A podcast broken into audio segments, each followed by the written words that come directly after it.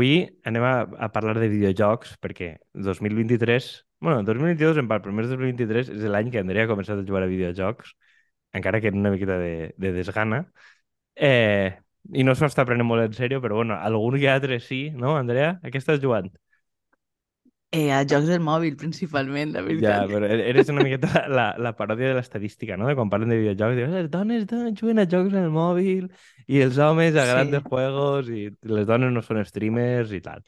Eh, La, la culpa d'això la té els meus pares, que mos van tallar... Ah, Jo recorde que a mi el de Zelda m'agradava molt. Que, que això en el, en el públic incel també triomfa, no? Vull dir-te que... Home, sí, és un senyor que passa la seva vida intentant rescatar una princesa. Però que a mi, a mi el rotllo així aven- aven- aventureta, encara que em feia un poc de por, jugava així el de Harry Potter, però en l'ordenador. I Ah, ahí veus? sí, que, ahí sí que estava la meva germana al meu costat com a suport. I, i no, en realitat jugava a més jocs, estic pensant, l'únic que en l'ordenador. Però he perdut la d'això, no. Bueno, introduïs el tema, que ja t'he tallat. Eh, vale, no, no, no, sí, Hue- volia que t'esplayares. batalletes. Volia que t'esplayares i també del SimCity. I sí, no, eh, el Sims, el SimCity, bueno, bé, ara, ara ho parlarem amb més detall. Vale, pues això, o sigui, que sí que en, en guany estàs donant eh, entrada al, als videojocs en la teva vida, no? D'alguna manera. Eh, entonces, Ho vaig intentar més l'any passat. Enguany, perquè, a veure, el tema és que el que no sap l'audiència és que tinc, jo tinc un, un, un ordenador que en teoria es pot jugar a jocs. i- Ja, a veure, vol dir un ordenador en potència de gamer. O sigui, Sí. eh, eh, qualsevol ordenador que- pot jugar a jocs, però el No, teu... però vull dir que, que té llumetes i tot en, el, en, el, eh, en la torre, vull dir que està pensat per... que això no ho he tingut jo mai. Ja, ja, ja. Un ordenador, o sea, un ordenador que no pete quan estic fent la meitat de les funcions. Entonces, la idea era ja, aprofitar i fer-me una adulta gamer i més en el tema de pandèmic. La veritat és que la meva tolerància a la frustració Mm. és baixeta. I em passa dues coses, que eh, quan no l'endivinem ràpid em frustre i que quan entenc com... O sigui, i lo contrari, quan entenc com funciona el joc, no sé quantos, també em canse i deixe de, de jugar. No, això tam també té molt que veure en la meva corba d'aprenentatge. O sigui, jo quan un joc entès perfectament com funcionen totes les mecàniques, mm, se me fa repetitiu i a lo millor només el torne a usar si en algun moment necessite relax, o sigui, anar, diguem, evadir-me una miqueta del món i alhora una mecànica que jo controli i que no em siga molt exigent, no? Té com diferents usos. I per això van. El... N'hi ha, un, un llibre, que, que és del que anem a parlar, que es diu Marx Juega, que és una introducció al marxisme a partir dels videojocs.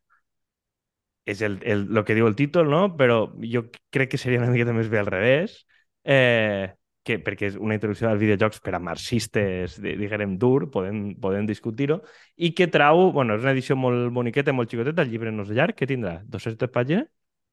Eh, sí, però és, és com tamany de bolsillo, o sea, de butxaca, no, no és molt gran, seran... Però sí, estarà per ahí, 150 pàgines o 200. Editat per, per Episcaya, que és nostre amigo Antonio. Antonio... Bueno, és més gent, no? O és ell només?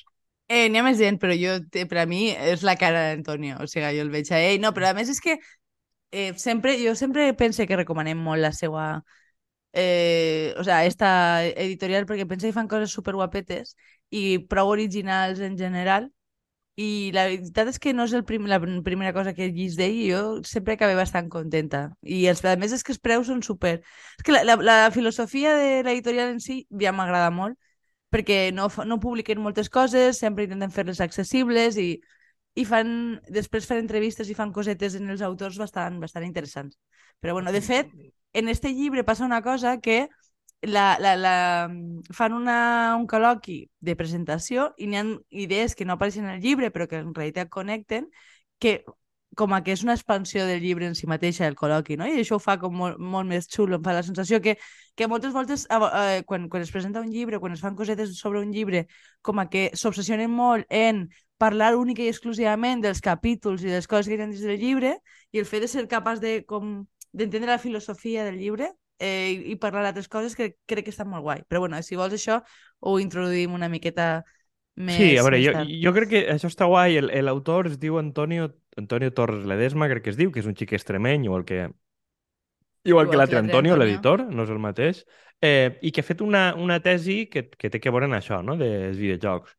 I es, o sea, es nota que el, que el xic pilota, o sea, es nota que és un tio que té com molta formació marxista acadèmica d'autors i al mateix temps que sap prou de, sap prou de videojocs perquè es nota que juga, ara està com intentant fer de streamer en Twitch, eh, jo veig com, com prova coses, in, intenta com, com donar-li com donar-li un, un cert aire renovador a ser streamer una miqueta més reflexiu, diguem, encara està una miqueta aprenent, en alguns jocs està més verd que altres, però crec que una perspectiva original el que fa i... Mi, bueno, Digues. no, que a mi em fa la sensació que més que renovar el Twitch està renovant el que és ser acadèmic. és sí, a dir, exactament, sí. vull dir-te que al Mm. final el Twitch té moltes mm, visions, no? Vull dir-te, perquè, a, a veure, eh, això crec que ho hem parlat en, en... abans d'entrar, però que, que el, el llibre a voltes peca pues, això, de ser fruit d'una una tesi doctoral, però fins i tot així pensa que queda bastant instructiu. El seu esforç comunicatiu en tota classe de plataformes que, diguem, no són les típiques vinculades a la universitat, en cert sentit, perquè no és anem a, a fer la mateixa moguda de sempre però en plataformes noves, que a voltes, jo que sé, com càtedres que s'obriguen Instagrams o coses així, sense ningun tipus de traducció en el llenguatge, crec que el, el fa original, sobretot com a, com això, com a persona que és investigadora i que és acadèmic de, de coses. Sí, a veure, ell intenta fer una miqueta una reflexió. De, el, el llibre és que, bueno, cada, cada capítol és un poc introduir un autor o una sèrie d'autors que tenen molt a veure entre si en... És, és més bé com un gènere de videojocs, no? Vull dir, uno, uno és com més d'estratègia, aventura, altres són videojocs vintage, que com que està prou ben, prou ben tirat, eh, i a més com és bastant pedagògic. Jo el que veig és, eh, a mi, per exemple, que a la majoria d'autors d'estos marxistes es conec, encara que no els hagi en profunditat, també perquè jo tota la vida he pensat que igual no fa falta tant d'autor, igual el que Marx dia, a lo millor, és que mirares una miqueta més a la realitat i menys el Melic, el qual és predicable de Marx, de John Fuster i de Cuigues, no? Vull dir, és una miqueta de, de filosofia vital.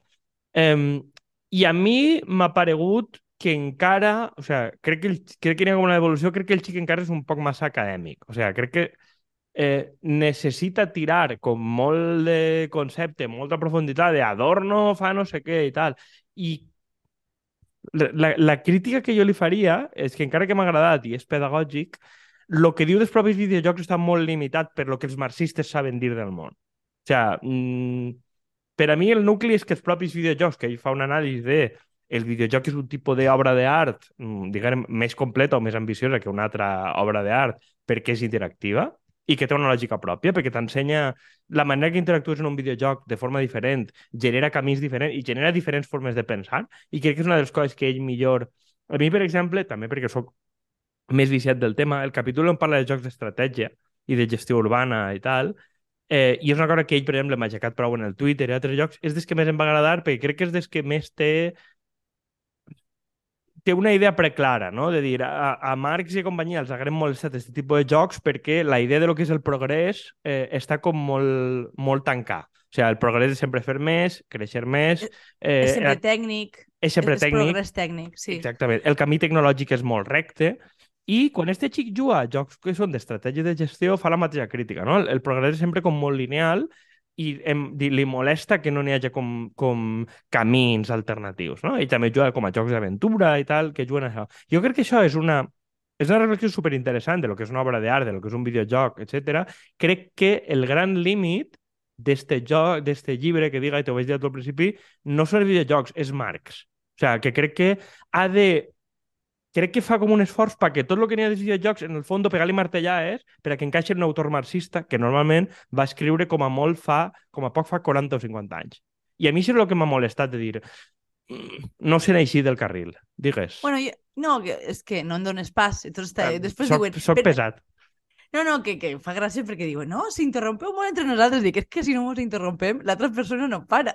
Intentant, estava intentant ser educat i no n'hi ha hagut manera. No, jo anava a dir-te que a mi els capítols que més m'han agradat han sigut l'introductori de Marx i el de Rosa Luxemburg, que pensa que són els dos, diguem, que més se n'eixen de lo que són els autors. Perquè, eh, a, a veure, jo, he de dir dos coses. Una, que, que m'agrada estos dos capítols en concret justament perquè pensa que tenen més capacitat d'eixir una miqueta de lo que és el marc teòric i parlen de d'indústria, de, de, de possibilitats dintre del joc. També m'agrada molt el tema, una de les coses en les que ell insisteix, igual una miqueta menys que en lo del progrés tècnic, però la idea d'absència de conflicte polític, és a dir, inclús en aquells que estem parlant de distopies... A veure, jo no, jo no he jugat a aquest perfil de jocs i, i la veritat és que en algunes coses em, em pareix divertit perquè he entès com funciona el joc sense haver jugat a ell perquè em vaig enfrontar al de Skylands i, jo vaig veure la quantitat de carreteres que, que hi havia i no sé quantos i vaig col·lapsar, dic que no, no, no tinc capaç d'entendre això. Però que vull dir que, que fins i tot en, en jocs que en principi són comunitaris o que has de col·laborar amb altres companys, quasi mai es, es qüestiona ni, ni, ni les estructures de poder existents, ni per què es distribueixen els recursos, ni hi ha una volta has pres una decisió és molt difícil canviar la cosa és així, no? Però bueno, a jo he de dir que mira, l'estructura que utilitza per a, per a parlar en el llibre m'agrada molt perquè pensa que fa una o sigui, la manera que va introduint elements de les coses que haurien de mirar en el videojoc, a mi sí que me pareix xula. Mm. És a mm-hmm. dir, parla primer d'una introducció més a, a jocs d'estratègia, però és que després li va afegint, bueno, i són inclusius els, els jocs? Dir, quin tipus de personatges mostren? Parlar de la pròpia indústria, de com funciona, com és, és, és eh, cultura, és, eh, és economia i, i no, com a que em fa la sensació que primer et fa una primera introducció que és bastant atractiva per anar sumant elements com a que hauries d'examinar en qualsevol producte cultural, no? Eh, quins són, quines són les narratives que hi ha de fondo? Quins són els perfils de, de personatges i què és el que conten i, i on estan emmarcats? Quin tipus de, de model de producció i de, reproducció de les obres existeix. No? Jo, cre jo crec que en aquest sentit fa un, una visió d'ecosistema que és super, super completa i que està molt bé. Vull dir que és el tipus de coses que a mi m'agradaria que en general, o sigui, com una, un, jo ho veig una espècie com una manual. És a dir, probablement té raó en el sentit de que crec que limita massa el, el tema dels autors i probablement haguera pogut invertir l'ordre, és a dir, parlar d'estos temes i sumar autors després, però crec que eh, en el fons el, eh, ja saps que el, el tema de com es tracten els personatges, eh, com és els personatges, dic, els autors marxistes, com a que a la gent que els estudia els vol donar lloc en l'actualitat i que, que això forma part de la voluntat, de dir, eh, és un autor encara vigent i per tant anem a pegar una volteta i per tant que els autors juguen a videojocs es considera atractiu, però crec que, és a dir, com a manual de bones pràctiques, està super ben trebat i a mi, a mi això m'agrada bastant. Ja, però això és un poquet un manual de crítica d'art. O sea, jo crec que n'hi ha, ha una part ahí que és aprenem a fer crítica d'art marxista i a més en general el, la, la crítica cultural ha sigut molt marxista, tot el rotllo de la teoria crítica. Com aplicar això als videojocs em pareix algo que és intrínsecament bo i vàlid. El que passa és que crec que com estàs parlant dels propis videojocs, crec que mm, falta, o sigui, sí, analitzar-ho i tot està bé, però crec que li falta un punt més, que és el, el, el, el tipus de decisions a les que tu porta un videojoc.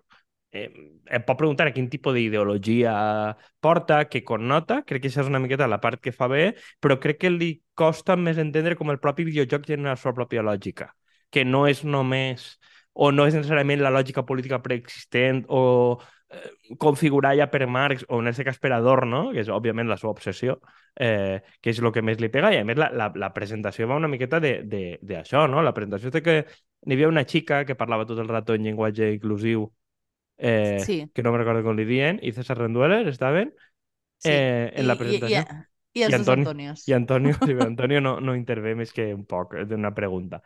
Eh, crec que introduïen coses molt, molt, molt xules. Eh, per exemple, la presentació, jo també, la, la, lo que diem, eh, la recomanem molt. Crec que l'enllaçarem en, el, en el Twitter o algo. Estava sí. en SoundCloud, crec. Eh, i, i treien coses xules, no?, de com la, la pròpia programació de videojocs indis a les escoles, o sigui, quin potencial tenia de que la gent aprengués a fer els propis videojocs, un qüestionament de la indústria, però també mm, un qüestionament del, del tema de... Lo, I dia Renduel, sobretot, que em pareix curiós, i que, i que este Ledesma no trata molt en el llibre, no? la relació amb la cultura lliure, la, la sí. cultura lliure d'internet, que és una cosa que és, és curiós perquè Renduel és, que sí que es nota que ve més del moviment d'antiglobalització de fa 20 anys i això ho ha viscut. Ledesma tampoc, jo crec que té un any menys que tu o dos menys, eh? Vull dir que no, no, és tan, no, no és tan jove, però... Mm, Gràcies. Gràcies. Cabró. Eh, tampoc... No feia falta. Bueno, és descriptiu, això. Eh, bueno, vale, vale. Tampoc incorpora una... una o sea, crec que no, no planteja això com a perspectiva. O sea, crec que veu més això de, de, de autors marxistes que la majoria venen d'abans, que és la continuïtat de l'acadèmia marxista, però crec que no fa no fa dialogar, cosa que sí que fan en la presentació, el propi llibre i l'anàlisi dels videojocs en la pròpia cultura lliure d'internet, que en, en els jocs no ha sigut una cosa tan escampar, més enllà d'algun concret, és aquest dia jo del videojoc, el Disco Elysium, que sí que és un joc mm -hmm. que va ser fet eh, rotllo cooperativa, independent, associació, i al final s'ho ha quedat una empresa, els, els ha tirat a tots.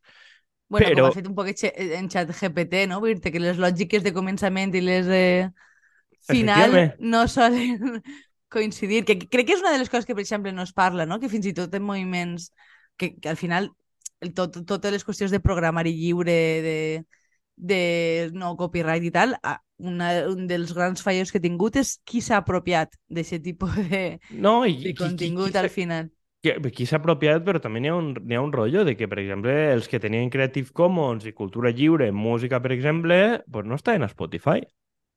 I a partir d'un moment, la, la cultura lliure estava orxata, espencat, al principi els primers discos sí que eren en, en Creative Commons i cultura lliure, i a partir d'un moment, crec que entre 2012 i 2015, eh, abandonen eh... això perquè és, un, perquè és un lastre.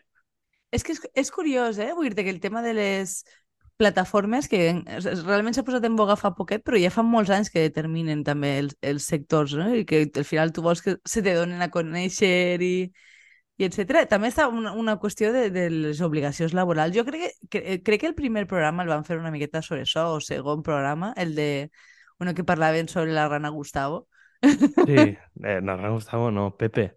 Ay, Pepe. Uy, Gustavo es el atre, me cague la puta. Sí, no, pero... sí, sí, de, de la no, pero... Pepe, sí, sí, la cultura de Internet. Sí, pero que, que esta idea de que mmm, al final fem crítica de lo, de lo existent, però tampoc, com sempre, no som capaços d'imaginar com marcs alternatius o, o diferent, no? O de recuperació de coses que... Perquè inclús en la part que a mi m'ha agradat, que, que analitza la indústria i parla d'altres models o tal, crec que és, és, és bastant cínic el, el, el plantejament o com a una, una certa distància, no? Que és com ho tracte perquè incloure una miqueta, però a mi m'ha agradat molt la, inter intervenció de Rendueles en aquest sentit. Crec que va aportar moltíssimes coses i crec que obri horitzons, sobretot, de com plantejar coses a futur, el qual està guai. Eh, és que jo crec que és, una, és la perspectiva que li faltava. O sigui, pensar en el videojoc com a obra d'art, eh, com el que siga, un, una, de, la vessant, una de les vessants que li faltava, el que jo estava dient, és a una, pròpia, a una porta la pròpia lògica del videojoc, i crec que l'altra important és la, la pròpia lògica, i ahir també, com a que faltava aquest angle més marxista, no? la pròpia lògica de producció del videojoc, com predetermina el missatge que va tindre el videojoc i les possibilitats que va tindre, perquè avui en dia és un dels, dels espais on està havent més explotació laboral, eh, sí, més, més baixes, no? més baixes per depressió, per assetjament, tal. Els grans videojocs, rotllo, el GTA, eh, etc d'estos totxos, eh, tenen espais de desenvolupament que són vamos, molt, molt més cars i molt més explotadors que la pròpia indústria cinematogràfica. I, I crec que la pròpia condició de producció i que avui tu pots fer, estem en un moment en més auge que mai del videojoc indie, videojoc indie mm, molt senzill tècnicament, i és una mica del límit, no?, de, de fer el tipus de ficció superavançada és més fàcil fer-la en cine, vull dir, tu pots arribar a fer una pel·lícula més o menys barata eh, perquè tu ja tens a l'abast càmeres tècnicament bones de fer algo que puc anar a un festival totxo i que no sigui tan diferent, perquè el que fa, el que pot fer, jo que sé, Disney en Marvel i companyia és clavar molt d'efecte especial, però a l'hora de gravar una història o el que diem quan de l'especial de comèdia aquell de, de, del Magí, o sea, tu pots jugar unes càmeres i tal que tingui aspecte de Netflix i fer-ho tu.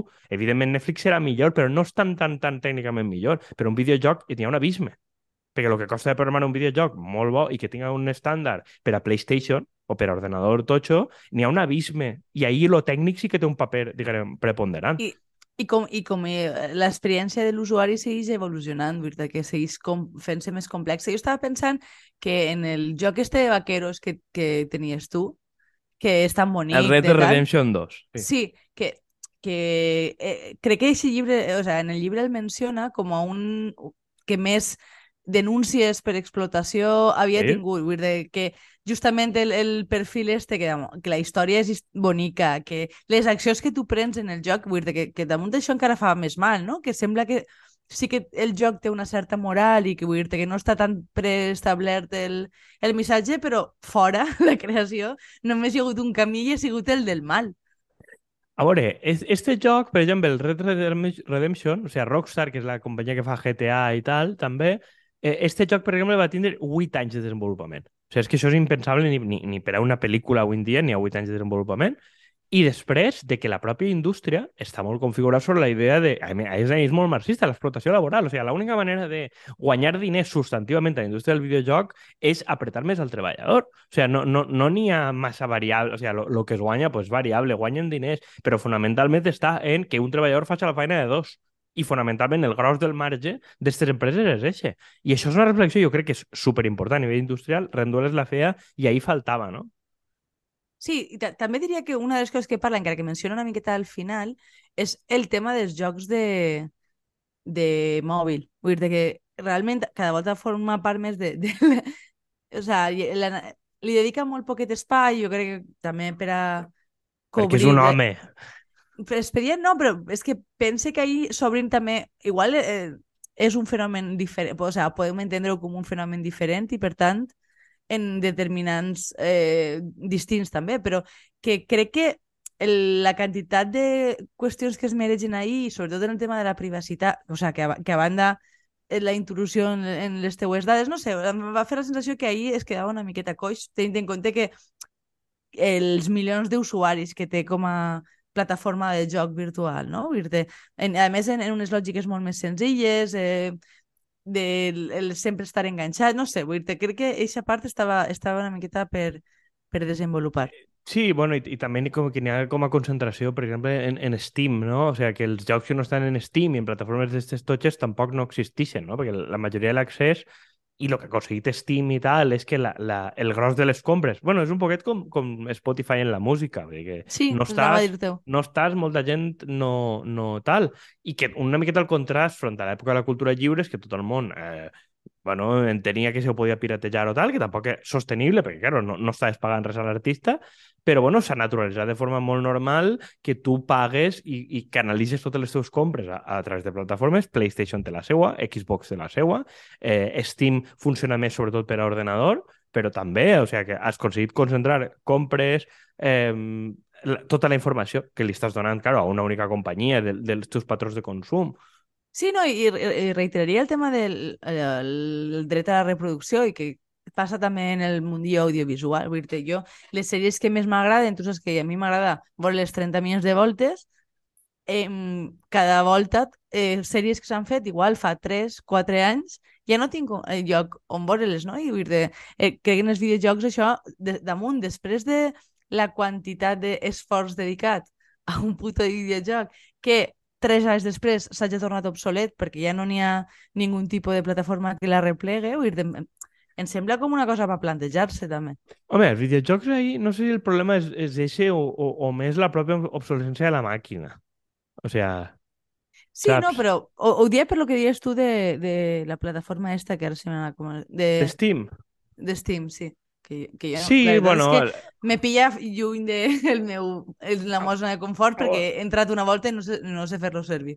a- a- Però bueno. Steam i les plataformes de PlayStation i Xbox, la idea és que tu cada volta més menys compres un joc físic, eh, un, un joc físic, compres diguem, la, la descàrrega, sí que ahí sí que te'l pots tornar a, a descarregar. Jo crec que en, en els jocs vells no n'hi ha tant del problema de reproducció de la venda de drets i tal, que sí que dius que té Netflix i companyia, com que cada volta Mm. més s'assembla no? Netflix i tal a una tele, o sigui, tu Sí, en compte sí. de poder veure un dia o una hora, pots veure més temps, però al final ho llevarem per lo que, a no ser que el dret siga nostre o tal, però ahir també sí que el que, lo que veig, per exemple, és que a mi, quan, quan... això ja passava abans, però diguem, ara s'ha fet més, acusat que n'hi ha mm, molta disparitat. Vull dir, en un ordenador normalet, de, com el que jo gaste per a treballar, el gros de jocs que eixen ara no el suporten. Ja més allà de que el sistema operatiu de Mac no suporta la meitat, que això ha sigut tota la vida, però que Sí. un ordenador de gamer com el teu, o sea, serveix per a mm, processar àudio, eh, processar vídeo, cert tipus de feines tècniques i per a jugar. Si tu no és un ordenador molt bo de gamer, tu no pots jugar i molt menys retransmetre, no? que és el que fan algun. O sigui, que ha, un, jo, d'això de gamer, però pues, no tinc targeta gràfica. Que si haguera de jugar no podria fer tampoc tantíssima cosa. Sí, però, que, però crec que això també està, com, in- o sigui, està introduint com unes barreres molt bèsties d'accés a, Sí. mm, a, a això. O sigui, tu pots jugar a coses molt bàsiques. Qualsevol joc que tingui una mínima ambició i que xuple algo de màquina eh, ja no van. Eh, no, no vol dir que no n'hi hagi altres itineraris i, i n'hi ha jocs que eh, d'este que t'ha parlat de voltes, Paradox, que fan Europa Universalis i altres, que ja no foca... o sigui, és un perfil d'empresa que ja no focalitza en fer batalles i gran desenvolupament de, de gràfics, sinó més de dir, vale, pues vaig a invertir en que la, este xic juga, per exemple, a, a jocs d'estos. Vaig a invertir en que la meva simulació de com és una societat siga més acurada, no? Diguem, l'estratègia d'empresa és més... Eh... A tu, a tu t'ha servit lo... molt este llibre per a descobrir jocs, no? Em fa la sensació que... No, no, que... no, no, no, realment vale. no, no, no eren el, no, la majoria no era el meu tipus. Eh, per a, per a mi sí, o sigui, jo la major part de jocs que posava no, no els coneixia. A, a mi, jo, jo els coneixia la majoria, el que passa és que al final també crec que el que passa al món del videojoc és que tu t'acabes concentrant molt en un parell de, de gèneres que t'agraden, no? Jo, per exemple, pues, puc jugar més estratègia, algun perfil d'aventura, com puga ser, el que dius tu del Zelda o este que dia jo del detectiu o tal, i a lo millor alguno de pegar tirs, però jo en general no, no jugué a moltes altres coses.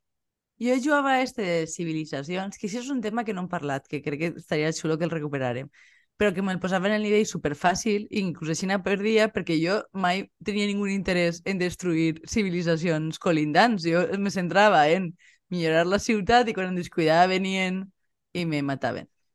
Ja, però veus, això, per exemple, estos, este tipus de jocs, molts d'ells han anat millorant i ja n'hi ha condicions de victòria cultural, victòria econòmica i tal, perquè existeix gent com tu, que, que no vol l'aniquilació militar de la resta de la població. Vull dir, que, que està bé, no? Vull dir, crec que, de fet, no sé si el Civilization a eixe o a uno posterior, ja existia la una, una condició de victòria era enviar la primera nau a l'espai.